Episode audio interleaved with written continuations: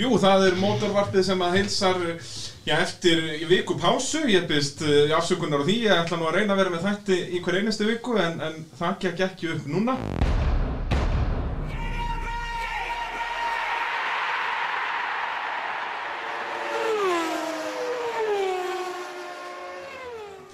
Og uh, já, gestir þáttarins uh, Guðmundur Höskuldsson, særlega blessaður, Blessaður. og Haldur Vilberg Gómarsson. Sæl. Og já, við ætlum nú að tala um uh, rallakstur hér í dag, er það ekki? Jú, jú. Við dælta það. Já, svona, svona reyna það alltaf hana. Og já, þið náttúrulega hafa verið að kjappa mikið í, í rallibáðir og í, í langan tíma. Já, já. Ég kefti minn fyrsta rallbíl 1998 Já, og fyrstu keppni haust, vorsprettur 99. þannig að þetta eru komin, já, rúmlega 20 ár í kringum þetta. Já, nákvæmlega. Og Haldur, það var eitthvað svipað á þér, er það ekki? Þú byrjar eitthvað annum aldamótin. Já, ég fæði bílbróð hann árið 2000 og það leiði ekki á lengur þá til ég var búinn að fá lánaðan Volvo 440 Turbo, svaðalegt tæki, bleikan og tók þátt í allavega tveimur spretturölu. Já. Það var svona upp að það mínu felli, svo var ég ágættis pásið þangað til ég kom inn aftur sterkur 2009. Já. Uh, mótorvarpið er samsögðu bóði AB varahluta og yðinvélar. Uh, núna er náttúrulega eðal tækifæri það ekki að dutta bílnum, er ekki vestæði að gefa sem sagt maður farið virðisaukaskattin tilbaka eða ekki? Jú, það er rétt. Þannig að það er, hvað er hann að gera núna? ég segi það, þá er um að gera skella sér í AB varahluti og hérna finna réttu varahlutina og, og, og skella bílnum á vestæði. Það er fátt annað að gera í þessari, þessari veirutíð. Komum öll í stand. og, og yðinvelar sem við leiðið sko ef að þú ert eitthvað vesenest í skúrnum og vantar já, gæða verkfærakistur eða eitthvað slíkt að þá um að gera skella sér yðinvelar og, og hérna fá sér beta verkfæri eða, eða bara rennibekka eða eitthvað sko, það, það er nóg til Það gerir ímislegt með rennibæk. eða nákvæmlega uh, drengir, þá kannski byrjum við bara að tala um sem sagt sumarið núna, hvað haldið þið að sé að að fara að gerast með þetta veirudæmi? Já, ég byrð nú mikla vonu við það að fyrsta, fyrsti axtursýta viðbörður ársins verði söðunisarallið í, í, í logmæ en þetta er svona farið að verða pínu tvísingt sko. Já, þetta er ekki, ekki nógu gott Nei, Það er sem sagt hvað, samkomin bannið verður til eitthvað í byrjun mæ eins og staðan núna já. En svo náttúrulega spurning með íþrótta viðburði Hvernig er verið með það? Já, ég veit allan að Danir eru búin að blása af alla tónleika og allt bara út ágúst sko. Já, og það er náttúrulega íþrótta viðburði það sem að þú veist þúsundur manns er að koma saman. Já, það er, kannski spurning hvað, hvað rallið fellur inn í þetta sko.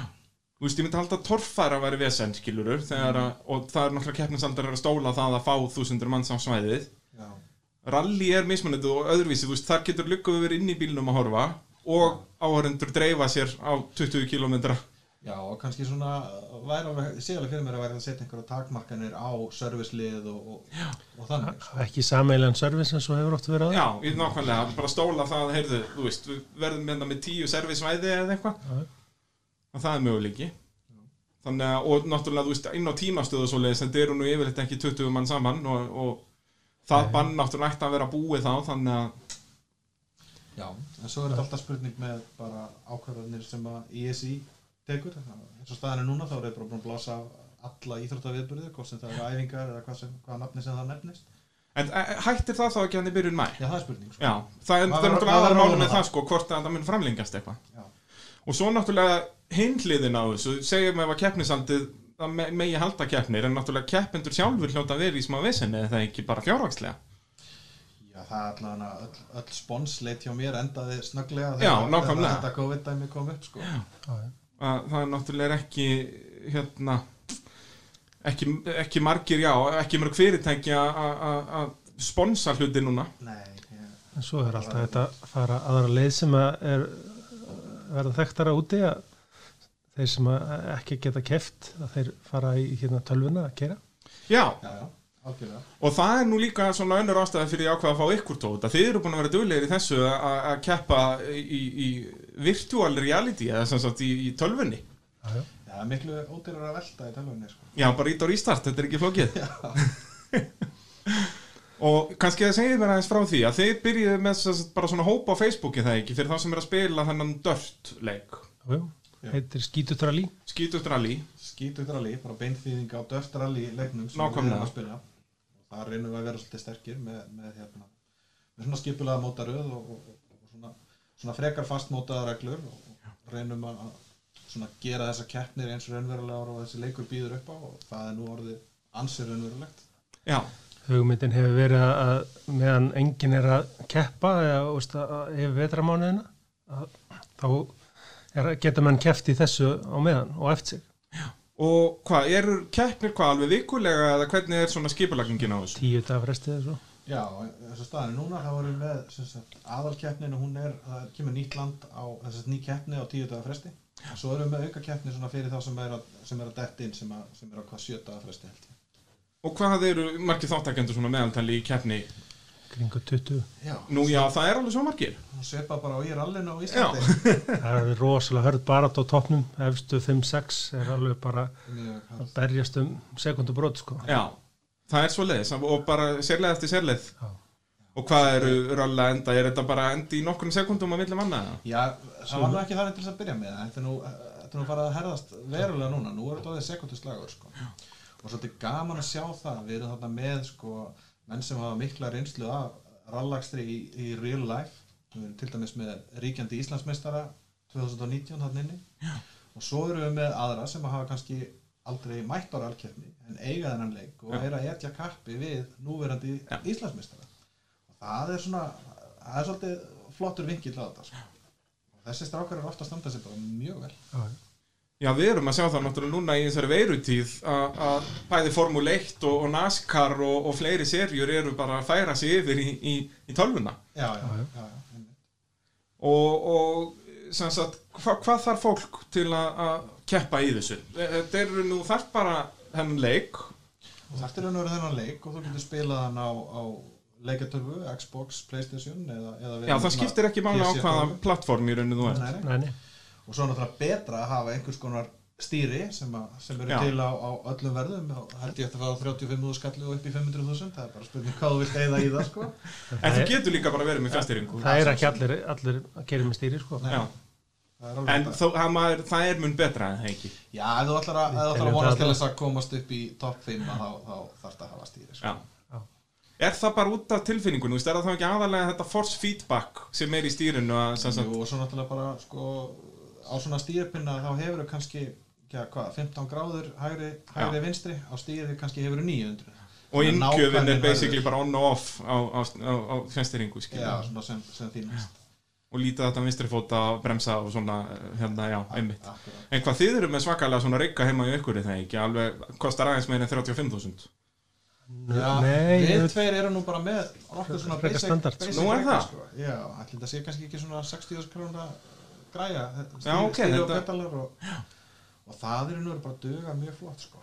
og það sem við erum að sjá allavega í þessari mótorið sem er núna að það er nú bara sama leksi og við erum að sjá í rallinu það þýðir ekkert að koma og ætla að sigra alltaf á einni leið þetta, þetta er langklaup Alltaf verið að þetta er stilt upp þannig að, að hérna, skemmtir og svoleiðis eru mjög raunverulegar.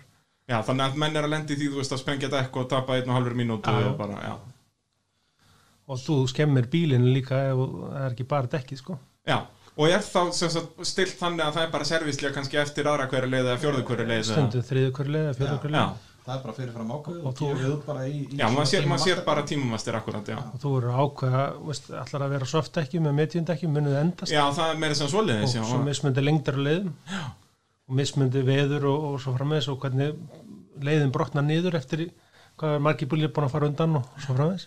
Og hvernig er þetta? Verður maður að taka þetta allt í einum rikk eða getur maður, þú veist, tekið tværlegar og fengið sér kvöldmat og, og heldur sig að náfram eða? þú getur í raun og verið gert pásu alltaf þegar það Já, það er svo svoleiðis. getur við haldið áfram bara daginn eftir eða, eða þegar það hendar innan þess tíma sem er gefin upp fyrir, fyrir keppnina sko. Og hvað er sá tími yfirleitt langur? Einhverju dagar? er það? tíu dagar Já, það er svoleiðis, og hefur tíu daga til að keppi í keppninni. já, í þessari mótorið já. Og hvernig er það? Sérðu tímana hjá þeim sem hafa klárað eða sérðu enga tíma? Eða sem sagt, þú sér tímana sem þeir hafa klárað hverja leið þó svo að menn sé ekki búin með rallið já, en bara þeir sem eru búin að klára þessa þá- leið. þessa Já, leið þeir sem eru búin að skila tímum á þeirri leið En þú, er það þá ekki betra að, já það kannski fer bara eftir svona hausnum á manni, hvort maður vilji sjá tíma eða ekki, þú veist, hvort Já. þú tekur keppn á tíunda degi eða fyrsta degi. það er einmitt þannig, ég persónulega sko, það er hægt að vera með sko, sjá millitíman inn á leið Já, það er kannski fjóri, fimm sektorar á hverju leið þar sem sko þú ert sekundu undan eða sekundu eftir ég slekka á þessu öllu sko. Já, þú ég, vilt ekki ég, ég vil bara keira mína keppni og ég er reyndar held ég að skili eiginlega alltaf tímum bara fyrst. Já, ég keiri bara mína keppni og annarkvort er það nógu gott eða ekki sko. já, þú veist, er þetta ekki þannig þegar það eru svona margir keppendur að þú þarft hvað sem er eiginlega alltaf að kæra fulla ferð? Það er ekki þannig búið sko. það er Kepp, keppnin er orðin mjög hörn núna. mjög hörn núna allavega. Og hverjir eru á topnum? það er Aldur, fyrst og fremst. Það er svo leiðis, hann er the man to beat. En, en svo er þetta líka alltaf bara spurning um að þetta eru svo marga keppnir að þetta er, þú ert að safna stigum og, og þú þarft ekkert endilega alltaf að vera að berjast um fyrsta seti eða jafnvel fyrstu þrjúsæti ef að, ef, ef að menn eru mjög misjæft að lenda í verðluna sætum Já. þá getur svo sem er í fjórðasæti staðið uppi sem sigur Og hvernig er, að það er þá einhver mótaröður líka eða ekki, þú veist, menn er að safna stegum Já, Og er það, að yfir keppnistímabili yfir eitt ár eða einn vetur eða hvernig er þetta sendt upp? kynnum í raun og veru ákveðna mótaröð Já, sem að eru svona 7 til 9 keppnir og, og svo er bara hver keppni kynnt með smá fyrirvara. Og hún endist í 10 daga og fyrir svo að næstu keppni og svo sapna menn stigum út af hverju keppni. Og það er raun og veru sama form á stigasöfninu eins og við þekkjum úr bara vaffir síðanu já, og Formule 1 og öllu Já, það, mjög, mjög, mjög svipað dæmi sko. Og þetta er þá sem sagt kannski ekki alveg alla keppninar sem að eru í mótaröðinni en, en mótaröðin er þarna, já, einhverjar tæpar tíu keppnir eitthvað svo leiðis Já, já, svona, svona 7 til 10 keppnir. Ekki stað þar á byrjun Þetta er algjör snilt. Við kjötum alla til að, að kíkja á þetta og já, það skiptir ekki máli hvort það sért á PC, Xbox eða Playstation. Bara Það er... byrjaði að kynna sér bara inn og skýta upp rally hópnum okkar á, á, á Facebook Já, og, og kynna sér málið. Þessi leikur er nú ekki dýr, eða? Nei, nei, Nei. og mikið af mönnum hann inni sem eru tilbúinir að aðstóða og, og veita, veita góð ráð Einmitt. Uh, þá skulum við fara okkur yfir í, í alvöru rally og svona fara yfir ykkar uh, ferla. Við kannski byrjum á þér, uh, Guðmundur, þar sem þú byrjaðar undan. Hvernig, hvernig byrjaðar í rally og af hverju? þetta er góð spenning Þú spyrði það þess á hverjum degi. Af hverju Nei. astnaðist inn í þetta? ég uh, á sínum tíma þá uh, fór ég oft með föðu mínum á torfærukeppnir og rallycrosskeppnir að horfa og, og pappa langaði alltaf að fara að keppi rallycrossi í tepp- teppalóknum Já, það var alltaf hans draumur það var kominn bíl og allt en hvernig bíl var það? Einhver Camaro eða eitthvað svona? mm, það var einhver Lincoln einhver, Já, einhver, einhver, einhver, gæ, eitthvað gæðateppi með hérna 8, eitthvað litra vél og, þetta, þetta, en svo var það aldrei neitt á henni einu og vinnur hans var alltaf að keppi þessu. En uh, mér langaði alltaf að fara að keppi rallycrossi. Það var alltaf draumurinn til að byrja með. Svo er ég að læra bifræðasmiði upp í Borgróldskóla og kynnist á uh, strák sem heitir Ragnar Freyr Karlsson og hann var alveg að kafi í rallinu og hans fjölskylda. Og hérna þannig að ég eh, hann, eh, við ákvæðum það að fara saman og, og, og, og hann hafði mikið ná, meira áhuga á rally heldur en rallykorsi og þannig ég ákvæði að fylgja með. Og ég þekkti ekkert mjög mikið rallið. Hafði aðeins kynst í gegnum hérna, rafvirkjan okkar upp frá sem að heitir eh, Gunnar Vikarsson og þannig vildi til að hérna Uh, sýstir hans Ragga uh, var uh, á kafi í þessu líka Já, og maðurinn hennar. Og, hérna, og maðurinn hennar var að hérna, keppa með honum Gunnar Veikurs sem að þessi maður heitir Jóhannes Vaf Gunnarsson. Og sýstir hans Ragga er Linda Karlsdóttir. Og mammas Gunnarskalls Einmitt. Og við keftum þarna árið 99 og, og 2000 Og hvað var það á Tvinkam? Já, það voru svona Toyota Corolla A86 Og það var svona standardin hann bara í rauninni svona fyrir byrjundur eða ekki? Jú, jú, þetta var svo kallega nýlega flokkur á þeim tíma. Og við fórum svo sem ekkert mjög rætt yfir, ég man alltaf eftir fyrstu keppninu okkar, það var sprettur sem að, ef ég maður rétt þá held ég að pappi þinn hafa haldið hann, vor sprettur á Geitorsi Já, 99, síðasta keppni held ég sem Porsin hans Guðbergs já, Keppni. verið. Er þetta keppnin sem að hinn eina svona Mazda keppir í? Geti alveg verið, Það geti verið, var ekki Hjörtur og Ísak sem unnu á kórólinn, það var svona eini toppbílinn sem var að keppa? Já, en eh, Porsin var nú tók held ég með bestu tíma á þeim tíma sko, svo krassaði hann alveg í lokin. Já, og sást aldrei aftur í, í kefni Nei. Uh, en þá fannst mér ég keira alveg óbúðslega hratt og, og hérna aldrei fengið jafn mikið aðreilin gekk fyrir á síðar eins og bílinn hann bremsa alveg ramskakt ég man alltaf eftir einni beigju sem að er svona vingilbeigja og getur sem eins og er, er þekkt hana Já, akkurat og ég kem á fullir ferð að þessari beigju og bremsa og, og hann alltaf snýrist þessum og, og, hann bremsaði svo skakt en það var akkurat eins og beigin var sko. Já, að þetta þetta lukkaði alveg þú, ég rosalega það ekki, þú stiltir hann alveg upp fyrir þetta, láta hann bremsa meira hægra megin, sko. algjörlega óvart sko. en þetta var svona einn mesta keppni eh, svona aðtrilinu keppi sem að ég hef farið í en ég held ég að verið síðast sæti en Já, já, tímannir voru ekki alveg, en, einn, en það kom alveg nekt við sko. Nei, þér leiðin svo miljón dólarum. já, já, já. Já, já, já. Og hvað, síðan heldur að keppa, heldur áfram að keppa þarna í, í gegnum árin. já, já 99 og 2000 er ég og Raki saman og hann vil hætta eftir sísoni 2000 ég held áfram hérna byrja aðeins 2001 var ég með mér annan kóra sem heitir Haldur Svensson sem var búin að vera í serviceleginu hjá mér og uh, svo sel ég bara útgerðin eins og leggur sig Já. ákveði að vera skynnsamur og, og fer og kaup mér íbúð Piff, hann meiri vittlesan Það maður. var, það var fyrsta skiptið sem að gummi ákvaða að vera skinsamur. Já, Hann hefur reyndið það sinni. þetta átti eftir að býta hann. en uh, uh, í staðinn því að nú er ég búin að selja rallybílinn og, og allt farið og, og þá hugsaði bara með mér að það voru fullt af mönnum á þessum tíma sem hefði hjálpað mér að komast upp eins og, og sérstaklega nefna Siggála hann hjálpaði okkur mikið að komast að stað það er þú veist nú ekki svo fyrstu sem segir þetta. Hann. Siggjóli er bara guðfæður íslensk motorsports. Já, ég held að hann sé búin að gera miklu meira en menn að gera sér grein fyrir algjörlega, sko. Bara eins og Páll Pálsson talaði hérna um fyrir ja, nokkru vikum síðan að að hann var svona aðaldir í fjörun þó hann var ekkit að sjá um keppnishaldi en eitt svoleiðis. Hann bara um leið og hann sá okkur unga stráka verið að byrja í þessu, þá fór hann bara beint að þeim og hjálpaði. Algjört gullamanni. hann hjálpaði okkur margóft og, og ef okkur vantaði servicemenn þá fengum við sammeilna service með þeim. Og ef okkur vantaði eitthvað man eftir þarna 2001 það var síðasta keppnin á tvengamunum þá vorum við að keira á hérna stapanum ekki stapafelli eins og að kipta í dag heldur stapanum Já, og þar er vegurinn þar var nú bara bílbryttin og, og svona mikil för. Og þar er rísa steinn í miðjunni. Já, og ég, það var bara ekkert hægt að komast fram hjá honum, ég varð að kera á hann skilur, það Já, var bara ekkert annað í bóði hann, þannig að ég stekk svona og svo kem ég út af leiðinu, allt í leið með það. Lít undir bílinn, þá er bara svona ólíu flóð Já, og ég sé bara, hei, þetta er bara búið bara búið. Og særistrákunni voru hjá mér og hvað á að gera? Ég sé bara, hei, þetta er bara búið. Já. Og nýtt olíu panna. svo kemur Siggi á eftir mér og hér segir, já, hvað er að? Já, þetta er bara allt ólíðan búið það er því ekki að hætta núna?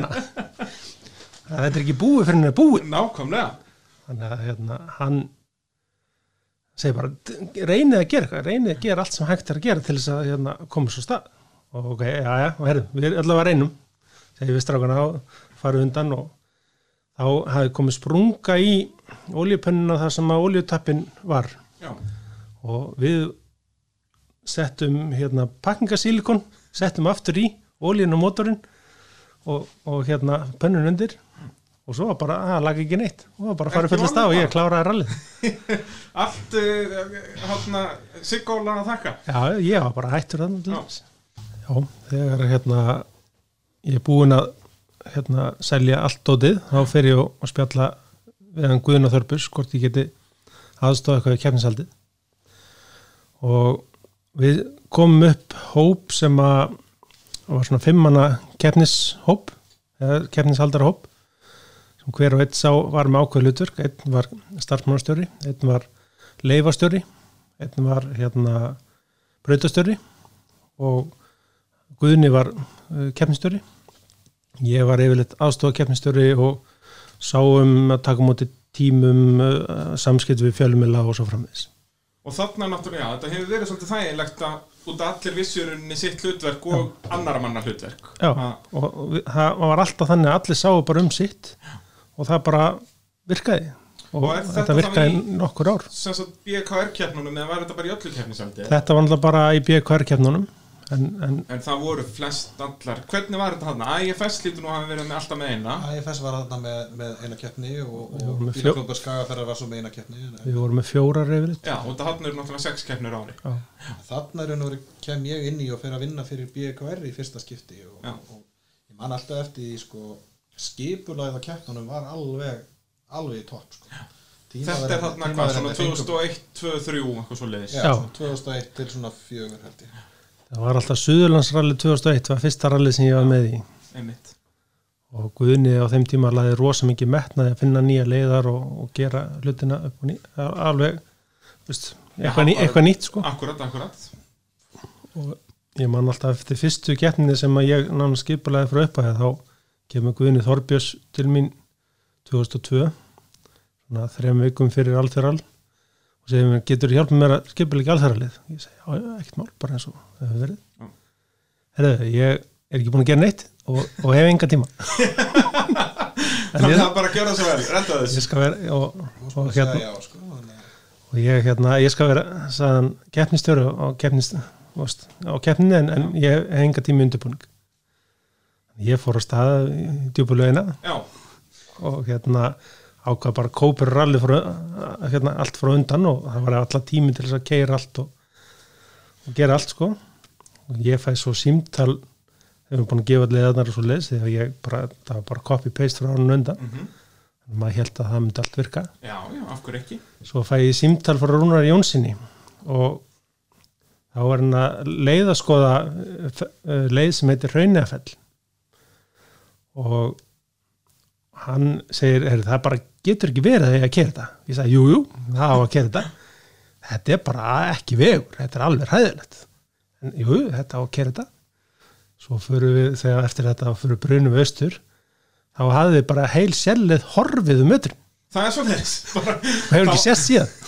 Hvað er, hvaða leiðir þetta sér? Er þetta stöngin? Nei, þetta er- heitir Hraunið að fell. Já. og er við hliðin á Hraunum Það er svo leiðis vinstra megin þar við og var upp að tungna Já, já Og, og þessi vegur hefur bara ekki sest það er bara ekki sést síðan hann bara hvarfarni veturinn bara í gegnum Hraunið hefur Já. bara ekki sést síðan Það er ekkert annað og hann hafði alveg rétt fyrir síðan, þetta var alveg ókærlegt Það sko. var ekki engin vegur til að keira Nei, það nei. Var þetta svona stærsta sjokki sem þú fegst í þessu? Hva, hvað er svona Nei, já, já, þess, þetta var mjög skröðlegt rall þarna 2002 Er þetta þegar þið reyna að keira kvalfjörðin? Er það árið eftir? Eh, Það er síðar Já, það er síðar. 2003 Já, eða 4 ég held að, ég mann, ég get vel að segja ruggla milli ára hvort, hvort að það var 2001 eða, eða hvað, en það var allavega á svipum tíma þá var rosalega mikið af regningum Já. og við þurftum að alveg rosalega mikið af leiðum Er þetta þarna þegar Gunnarsóltið er á floti og það allt? Já, akkurat. og, og við erum, ég man alltaf eftir því að við erum í, í Reykjavík, ég og Guðni og, og samt keppnistjórn og við fáum, það eru þrýr undarfarar og eitt er að segja við okkur, já, þetta er nú ekkert mál, bara keira fulla ferð. Næsti segir, já, þetta er nú svona ah, líklegt að keira þetta en, en þetta er svona doldið blött og þriði segir, þetta er alveg ómulett og, og við erum í Reykjavík og, og, og hvað, skilur við erum búin að cancela meiri lutan leðunum og þetta var á mörkunum að það að rally myndi gilda ef við myndum cancela þessu. Já. því Þannig að það að átti eftir að keira þetta tvisar eða þrísar þannig er þetta náttúrulega kannski líka svona spurningum sko, hver, hver er að gefa þér veist, hverjum þú treystir mest já, já, og þetta var allt virtir kallar Já, sem já. maður treyst öllum sko. og við segjum bara, herru það er bara góð, skilur svo eftir hérna keppnina, þá erum við að horfa á þáttina spikka braga hérna. Maður alltaf hvar við vorum, vorum hérna klúburinn eða eitthvað hérna upp á stóra og, og hópust menn oft saman og horfa á þáttin og, og við Gu- Guðni voru sátum hlið við hlið. Og svo horfðum við á, á vídeo af Gunnarsvaldi þarna og við lítum svona og annan svo, shit, við hefum aldrei átt að segja á þessu Þetta, en við fengum mjög verið skemmtilega komment þarna, þú veist, var ekki hlölli kom eitthvað annað, það þurfti að fá bara lánaðan bílabátinn og eitthvað. Já, það var svo sem bara einn pollur á leiðinni skilur en hann var frá upphæðu til enda það var, það var unni bara sérleiðin sem var pollur, en allt annað var í tómál. Já, Já. Þetta, þetta var áttuður raunlega aldrei að kera en, en það var erfitt að taka það ákvörðin í Reykjavík Já, já, og þetta er nú bara partur af rallyhaldi að að- að það er erfiðar ákvarðanir. Já, já en, Var þetta ekki enda, þetta ekki, var ekki kvati á jeppanum sem er á langbesta tíma eða eitthvað svoleiðis, þetta var eitthvað það svona var- þvæl. Það var eitthvað svo Það var nefnilega þannig. Ég, man, ég var tímaverður í þessu ralli og var á einhverju sko, Toyota Tercel eh, tæki sko og gerði nú eins og ég gerði oft á þessum tíma sko, kerði leiðina eftir að, eftir að bílanda voru búnir sko til þess að komast að, að næstu og hafði voðalega gaman að því en ég maður það, það var ekki gaman að gera þessa leið og þá var ég síðasti bíl sko, þá búið að skvætta úr öllum Já. pollinum Öllum pollinum. Já, en, já, já en það er búin að halda raunlega margar rallikeppnir í gegnum tíðina Já, og ég hef ekki tölu á því hvað Nei. er það margar hvernig er sem sagt, þegar þú ert að halda rallikeppni, hvað er mesta vesennið í undirbúningsverkefni, myndur þú segja? Er það bara mismunandi eftir keppni, eða sem sagt, það er yfirleitt mesta vesinn að fá leifi já, að redda leifi fyrir sérlögun? Já. Og hver, hvað, það er sem sagt sveitafélagið sem þarf að gefa leifi eða ekki? Veghaldari fyrst og fremst. Og náttúrulega lögregla. Já, já. og svo þetta fá tryggingar og, og svo þarftu allir þeir sem að eiga að þeim vegi ef það er einhver hús eða eitthvað svo leiðis Já, þá er það náttúrulega Og ansi þá- mörg símtöl.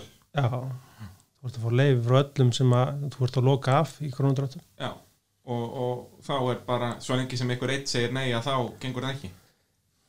Ég er já þannig að þú þarft að vera alltaf diplomat líka. Já, já, og bara Gunnarsallið er nú gott dæmið það, það er ekki kert lengur.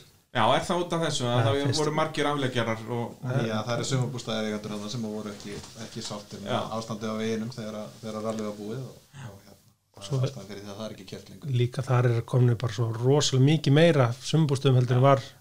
Og vinnan í kringum einu svona leið er orðin svo rosalega mikil.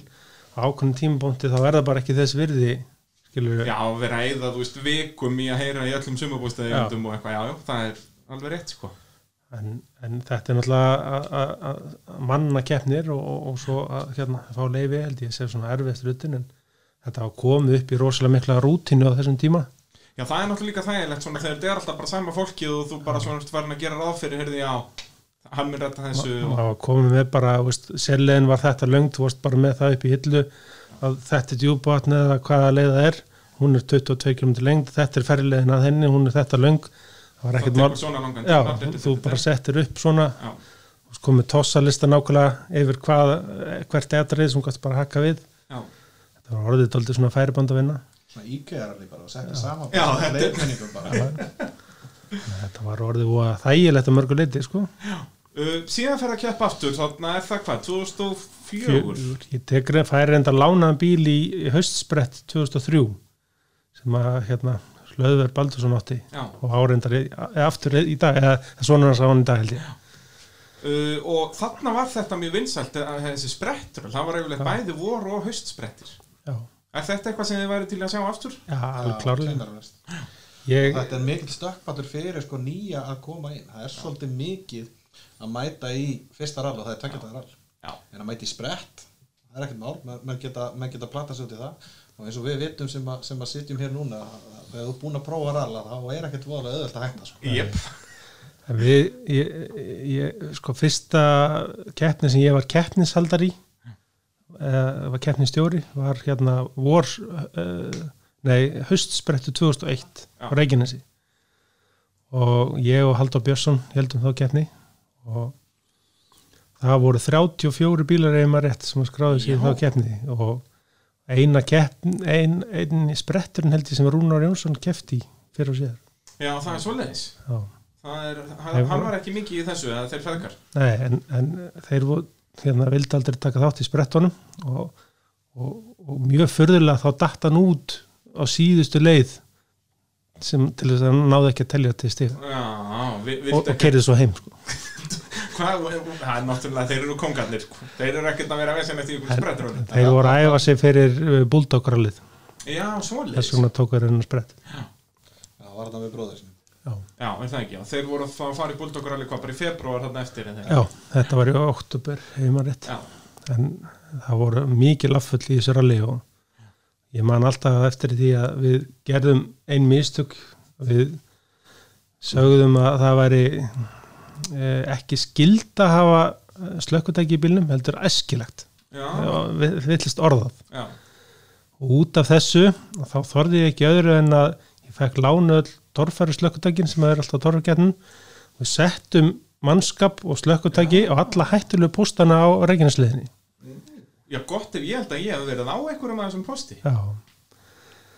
Og, og þetta eiginlega var bara mjög gott því að það voru mikil kröss og eitt af þeim þá kveiknaði í einum bílnum. Já, það er svoleiðis. það var síra sem að var það þvíastu hún enda stakst á ekkert og, og, og kveiknaði í henni og það var búið að slökku í henni að hann kláraði að velta. Já, það er svoleiðis. Það er þetta á mjög professional. Að hafa bara, bara posta bara á, já, öllum hættulegustu stöðurum þetta var náttúrulega bara ein leið sem við kerði alltaf fram og tilbaka þannig að þetta var auðvitað að gera þetta. En, en ég þorði ekki öðru út af, Já, já, út af því að ég gerði smá mistök þarna í, í, í túlkunni Svo náttúrulega var þetta líka Reykjanesi sko. Reykjanesi var náttúrulega geggjuleið sko. Og, og Já, og leið sem einmitt. að margir sko, þekktu vel og þetta er leið sem er svo rosalega gaman að fara aðeins í svona 101% dagstur sko. aðeins meira heldur en maður getur en þetta er líka alveg eiginlega versta leið til að vera byrjandi á, sko, sérstaklega ert ekki með nótur, og hver einasta hæðarna er með krappri beigju eftir henni, sko. þetta er alltaf á lofti Já, þetta var, þetta var fyrsta kættin mín já, þannig er þú á þessum, á Volvo. þessum Volvo ég, það var bara eitt sæti í þeirri bifræði sko. þannig að ég hafði ekki um neitt annað að velja annað að velja þetta en að vera nótulegs þarna en ég þekkti þessa leið náttúrulega mjög vel eftir að hafa verið tímaverður og eftirfari í mörg ár þannig. Og sem sagt, en er þetta ekki líka svolítið líkið landrið en maður að halda sprett að geta verið með rallycrossbíla? Það væri mjög sniðut jú. Er það ekki? Þú veist, út að þá einmitt eru svo mikið að nýlega, annars er þetta bara, við höfum nú verið að reyna að halda einhverja sprettröl núna, þó ekki mikið, og þá er þetta einhvern veginn alltaf bara einhverju tíu rallybílar og, Já, þetta datt út með einhverju reglugjara hérna, já, það er ekki hægt að hafa, þetta var, var ekki 2007 eða eitthvað sluðið sem að breyttu umfyrirlögunum og þá var þetta ekki búið lengur. Já, sem er synd og skömm, sko, nú verður það að vera bara lokuð braut, já. Ég raunulega þegar með svona leið hún er loku braut, já, já, þetta er loku leið það er spurning hvort það sé að, dúrkunnaðri já, þetta einhvern veginn öðruvísi. En þú byrjar aftur á Toyota Corolla, já, ég kaupi bílinn sem ég fekk lánan í sprettinanna 2003 já, og keppi honum eh, 2004, 5 og 6 með honum Þórarinn Karlsson og við náðum að verða Íslandsmeistarar 2006 já. í þeim flokki. Og þarna einhvern veginn byrjar bara að keira miklu hraðari þegar ekki heldur en það hefði gert áður. Jú, raunlega, eh, jú, það má segja það því að hérna, fyrstulega var náttúrulega bílinn miklu, miklu betri sem ég fekk þar heldur en ég var með undan Hvernig þá? Þú veist, út af maður gerir alltaf ráð fyrir að þessi tvinga verður allar eins. Já, það er ekki svo leið sko. Fjöðurinn í þeim bíl var miklu betri heldur en og bílinn allur bara stífari og, og hérna, minna lúin í Já. gróðum dröðum það var ekkit kraft með endilega heldur en einhver annar en, en sérstaklega afturfjöðurinn í þeim bíl var alveg miklu betri heldur en öðrum minnum bara það var eiginlega stæðstu munur á þeim bíl Já. sko, með aðra það var afturfjöðurinn Og þú keppir þarna hvað? Þú veist, byrjar í svona uh, miklum slag við loft eða ekki? Loft Uh, Matthíasson. í 2005 er ég dálítið í slag við Loftjú og hérna og 2006 við Pétur Bakara Einmitt. en ég man alltaf eftir þessum punkti þegar maður byrjaði að kera rætt maður man eftir svona stökkum á lýsliðinni þegar hann fer upp í hraða það var, ef ég man rétt ég man reyndar ekki hvort það var 2004 eða 5 en hérna, það var í alþörali ég var að keppa á móti átna Jóns og Heimi Já, einmitt. Á hann að gula Já. eða ekki? Já. og, og við enduðum í svakalegri baráttu í því ralli en við vorum ekki kefum fyrstsettið, við vorum kefum annarsettið Nú, já. ef ég maður rétt var Hilma B. Þráins í fyrsta Á þá framdrifs gulu kórlunni sem síðan Pétur Bakari kaupir. já en hérna þá var einhvern veginn staðan þannig að við vorum á, eftir fyrsta daga þá við getum svona frekar rólega annað til að byrja með svo uh, gemur dagu tvö og, og það er innabæði leið í klettakörðum og við vorum búin að, við vorum búin að ákveða að hafa gestakóra þá eiginlega stúturum við þá leið miklu meira heldur en allar hérna leiðar. Já, og ég var með mömmu með mér og, og, og, og svo einn hérna, Bjarka í bílaglirinu og við hérna tökum bara þriða besta tíma yfir hildina í þeim. Á, á þeirri leið. á þeirri leiðum og kert fyrir sinnum Og þú hefur ekkert ákveðið að vera með mömmu sem kóara bara eftir það. það, það er góð spurning en, en hérna þá var Ford Focus var fyrir sé að kera og svo Rúnar á, á Legacy Og svo komið hösku. Já, við vorum við vorum fjóra, þrjár til fjóra sekundar frá Sigga Braga á, á fókusnum og, og Siggi Braga, eða Rúna tók held í tvær af eitthvað svoleiðis. Þannig að það var aðeins búið að stúdera þessa leið. en á þessum tveimur leiðum tóku við sko held ég um kringu 40 sekundur af þeim félögum. Já, og þá allt í hennu voru við komin í baráttu um annarsettið, þá voru við komin mjög nálætt í, ég veit man ekki hvorum einn hvort þeir hafa undan eða ég. Nei. og svo bara heldur þetta áfram daginn eftir og þá bara ákveðið, herðu, við skulum bara reyna. Já, og þetta var alveg fram á síðustu leið að, að, að það var kert bara alveg sunnan sjöskilur já, ég man að á síðustu leið og djúbátni það lendi í því að það er einhver landróður sem er á sprungnu á felgunu undan mér. Einhver herjöppin þá Nei, þetta var ekki herriði, þetta var, okay. var appin sem einhverju Discovery.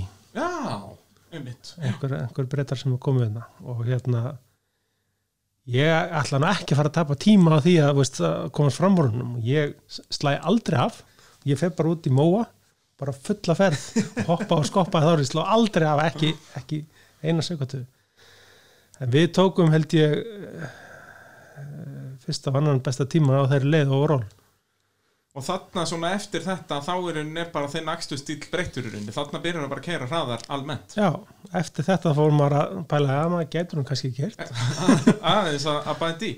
Þá fór maður að bæti í og, og hérna og gera alltaf aðeins ræður hraðar. Og það er í rauninni, þú ert allt annar ökumæður í dag heldur en þú varst þarna þegar þú byrjaðir og, og það er þá í rauninni bara út af þessum slag. Þegar maður lendir í einhverjum já, þegar þú neyðist til að fara að keira hratt.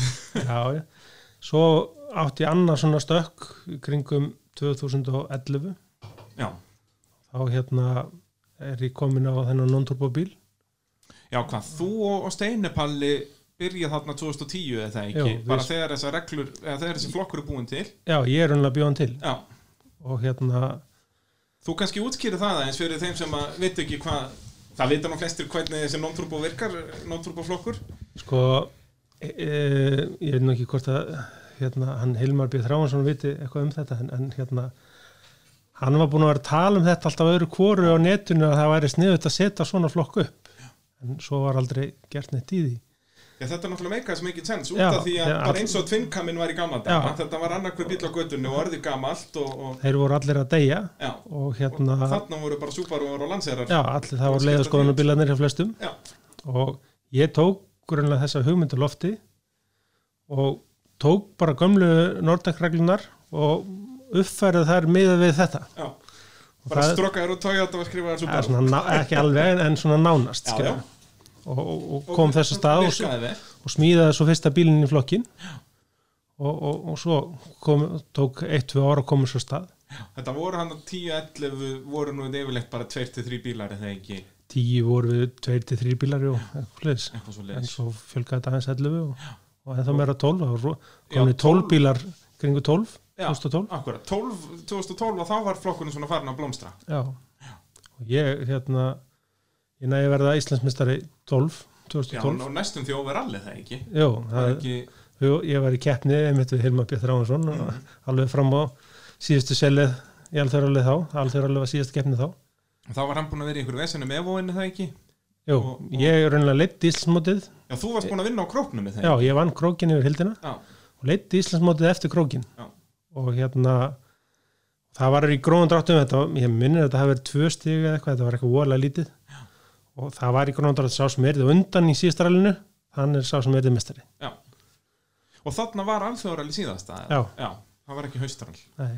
og hann eh, hann náttúrulega var á Evo 7 Já, veist, ég var var á með einhverja 125 stefla svo bara þannig að Hann var með eitthvað rúmlega mínútu eða jafnvel tvær eða eitthvað á síðasta degi í fórskot Já, og svo hérna bilaði eitthvað í bílnum hans og var svona að bila meira og meira þannig að hann þurfti að hæja meira og meira á sér.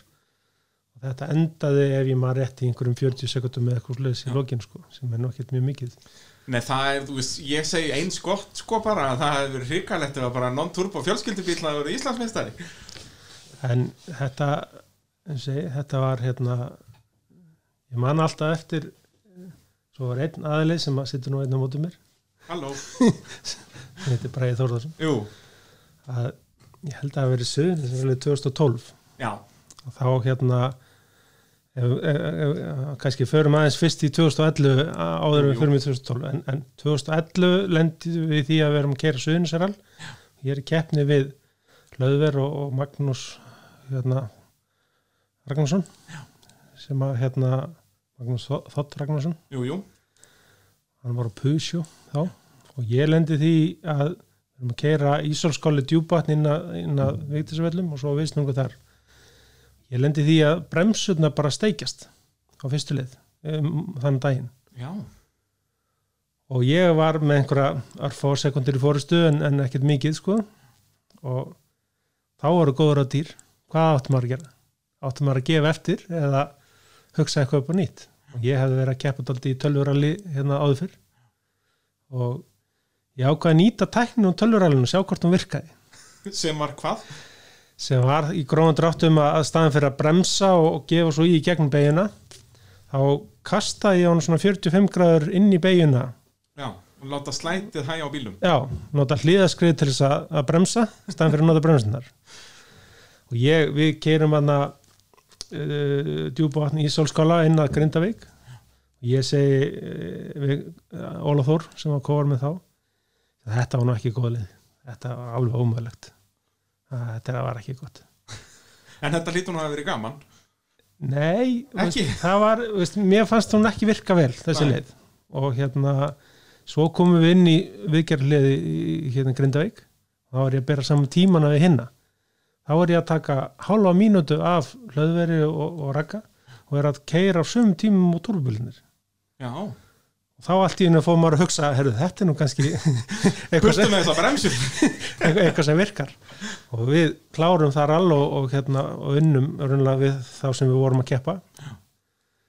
Og þá læriði maður þá tækni svo fór maður í að stúdira þá tækni raunlega betur þegar leið á 2012 og svo man ég alltaf eftir því að hérna, hérna, ég held að verið, var þetta ekki voralega eitthvað leðis 2012 Já, þá vorum við að keira djúbúvatn og, og keirum djúbúvatnið yfir og, og hérna ég var að taka svona 5-10 sekundur af flest öllum. Svo var einhver 17 ára pjakkur sem að tók af mér, ég held að það verið 5 sekundur Já, þetta er, það, er þetta fyrsta leiðin eða önnur? Ég man þetta ekki. Ég maður það ekki alveg heldur.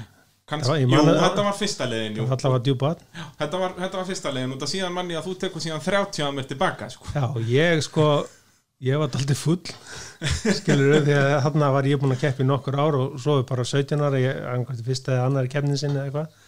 Nei, þannig er ég sko Þú veist, nú ekki búin að keppa margar í, í rally allavega. Ég var ekki búin að keira marga kílómetra en ég var búin að skrá mig ábyggli í svona 5 keppnir. Já, alveg sko.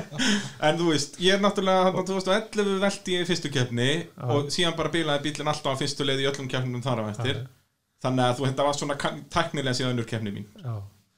En ég veit að það var ekkert mikill tími en eitt svoleið, þetta voru einhverju 5 sekundur en bara það að þú skildir hafa tekið af mig tíma sem maður var ekki vanur kannski á þeim tímabúti þá var ég alveg snældu villus og ég ákvaða að standa bara allt flatt leiðin eftir og bætti tímanum hálfa mínútu leiðin tilbaka. Ég nefnilega man eftir því sko Ég var náttúrulega eftir aðra leiðina var ég þá frekar fúll sko að að hafa tapað 30 á því þar. Já. og þá er mitt kom okkar einu senni siggjólu upp á mér og sagði nei, nú átt að vera stoltur. Þú náður að gera gumma alveg brjálaðan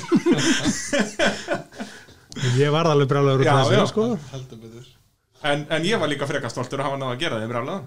Svo ég ég held að það hafa nú verið sömu keppni þá var ég að keppa við hann Kristinn Vaf Svensson á, á voru Sérugí Já, með mitt og þá voru síðustu tvær leðarna Helguvíkin og hérna minnir ég hef verið 14 sekundur undan og árið undan þá var hann að, var hann að keppa við Valda á króknum. Og þá var hann 14 sekundur einmitt líka og, og hérna eftir Valda. Hann tekur á honum þessar 14 sekundur og vinnur Valda. Já, eða hvort það var 13 eða eitthvað já, eitthvað og Kitty segir við mig að hérna, herðu, nú ætlum ég að gera það saman ég gerði fyrra við valda, nú ætlum ég að taka að þér enn tíma ég bara, ok, bara game on. Ég stend allt flatt eins og ég get sko. Og við komum út af leiðinni sömu sekundu. Já. Báðir alveg Já, já. já, já, já. og svo setni leiðinni þá hérna villist hann eitthvað og ég tek á hann einhverja 10-15 eða eitthvað.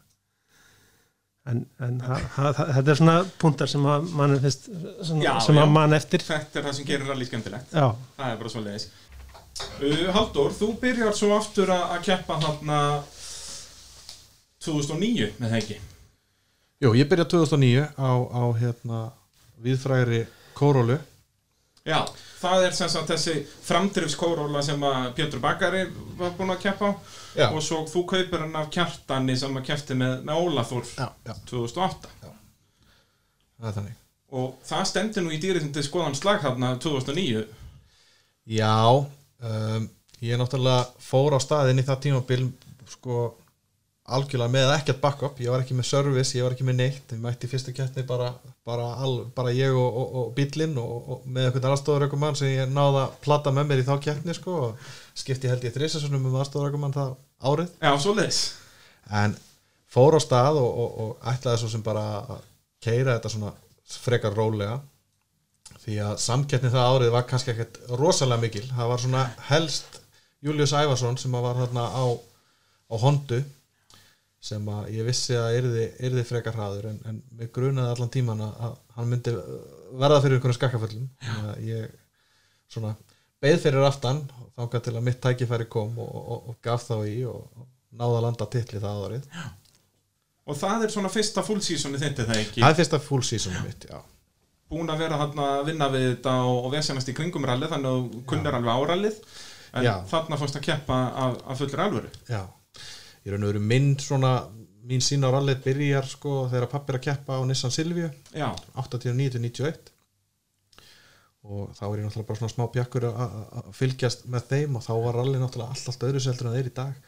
100 km sérleið sko Já. kerði í einum rikk og, og hérna hlutir eins og, og mann man sögur þetta frá pappa sko að það var kannski sofið í bílunum bara yfir nótt sko og kert svo aftur tilbaka.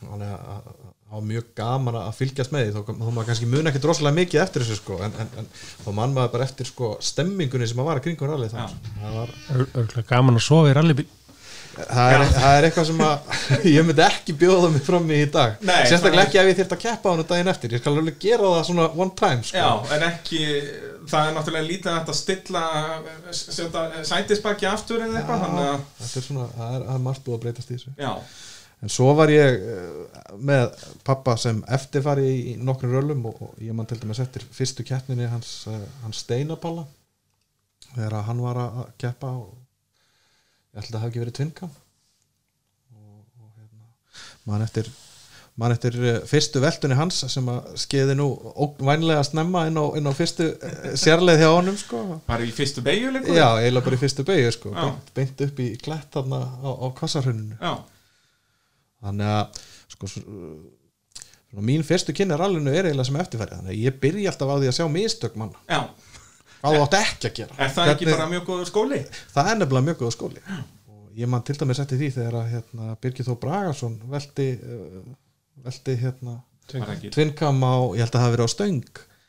Í þá hann að haustrallinu sem var svona eiginlega snjórall eða ekki? já, hann, sko endast dags þarna alveg svakalega og, og, og svo man ég eftir því sko að sko, ég var þarna á staðnum og, og var að horfa á þetta og hann endaði svona á frammendanum og við heldum í alveg hann myndi bara vera þannig sko, hann var ekkert að fara yfir. Við byðum alveg heil lengi sko.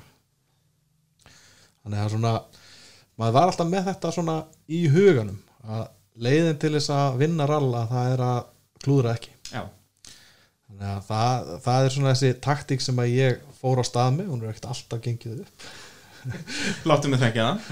En, en það er svona fyrir mér skiptir mest um báli sko. Já, algjörlega, það er erfitt að vinna keppnið og klára hann ekki Já, safna, safna kílómetrum sko. Uh, Þú voru meistarinn 2009 í þá sagt, var þetta ekki hétt þetta ennþá nýlega flokkur aðna, bara 1600 flokkur þetta hafi bara heitið bara 1600 framdrif. Eitthvað svo leiðis á þeim tíma.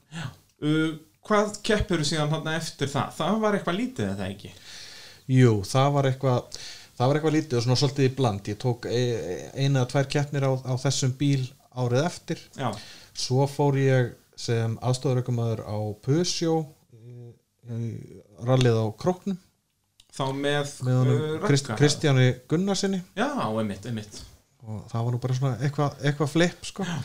en svo fór ég og, og með honum honum Jónba á Jeep Cherokee Já, í, í Skagafæraralli og það var heilmikill lærdómur Já. þar.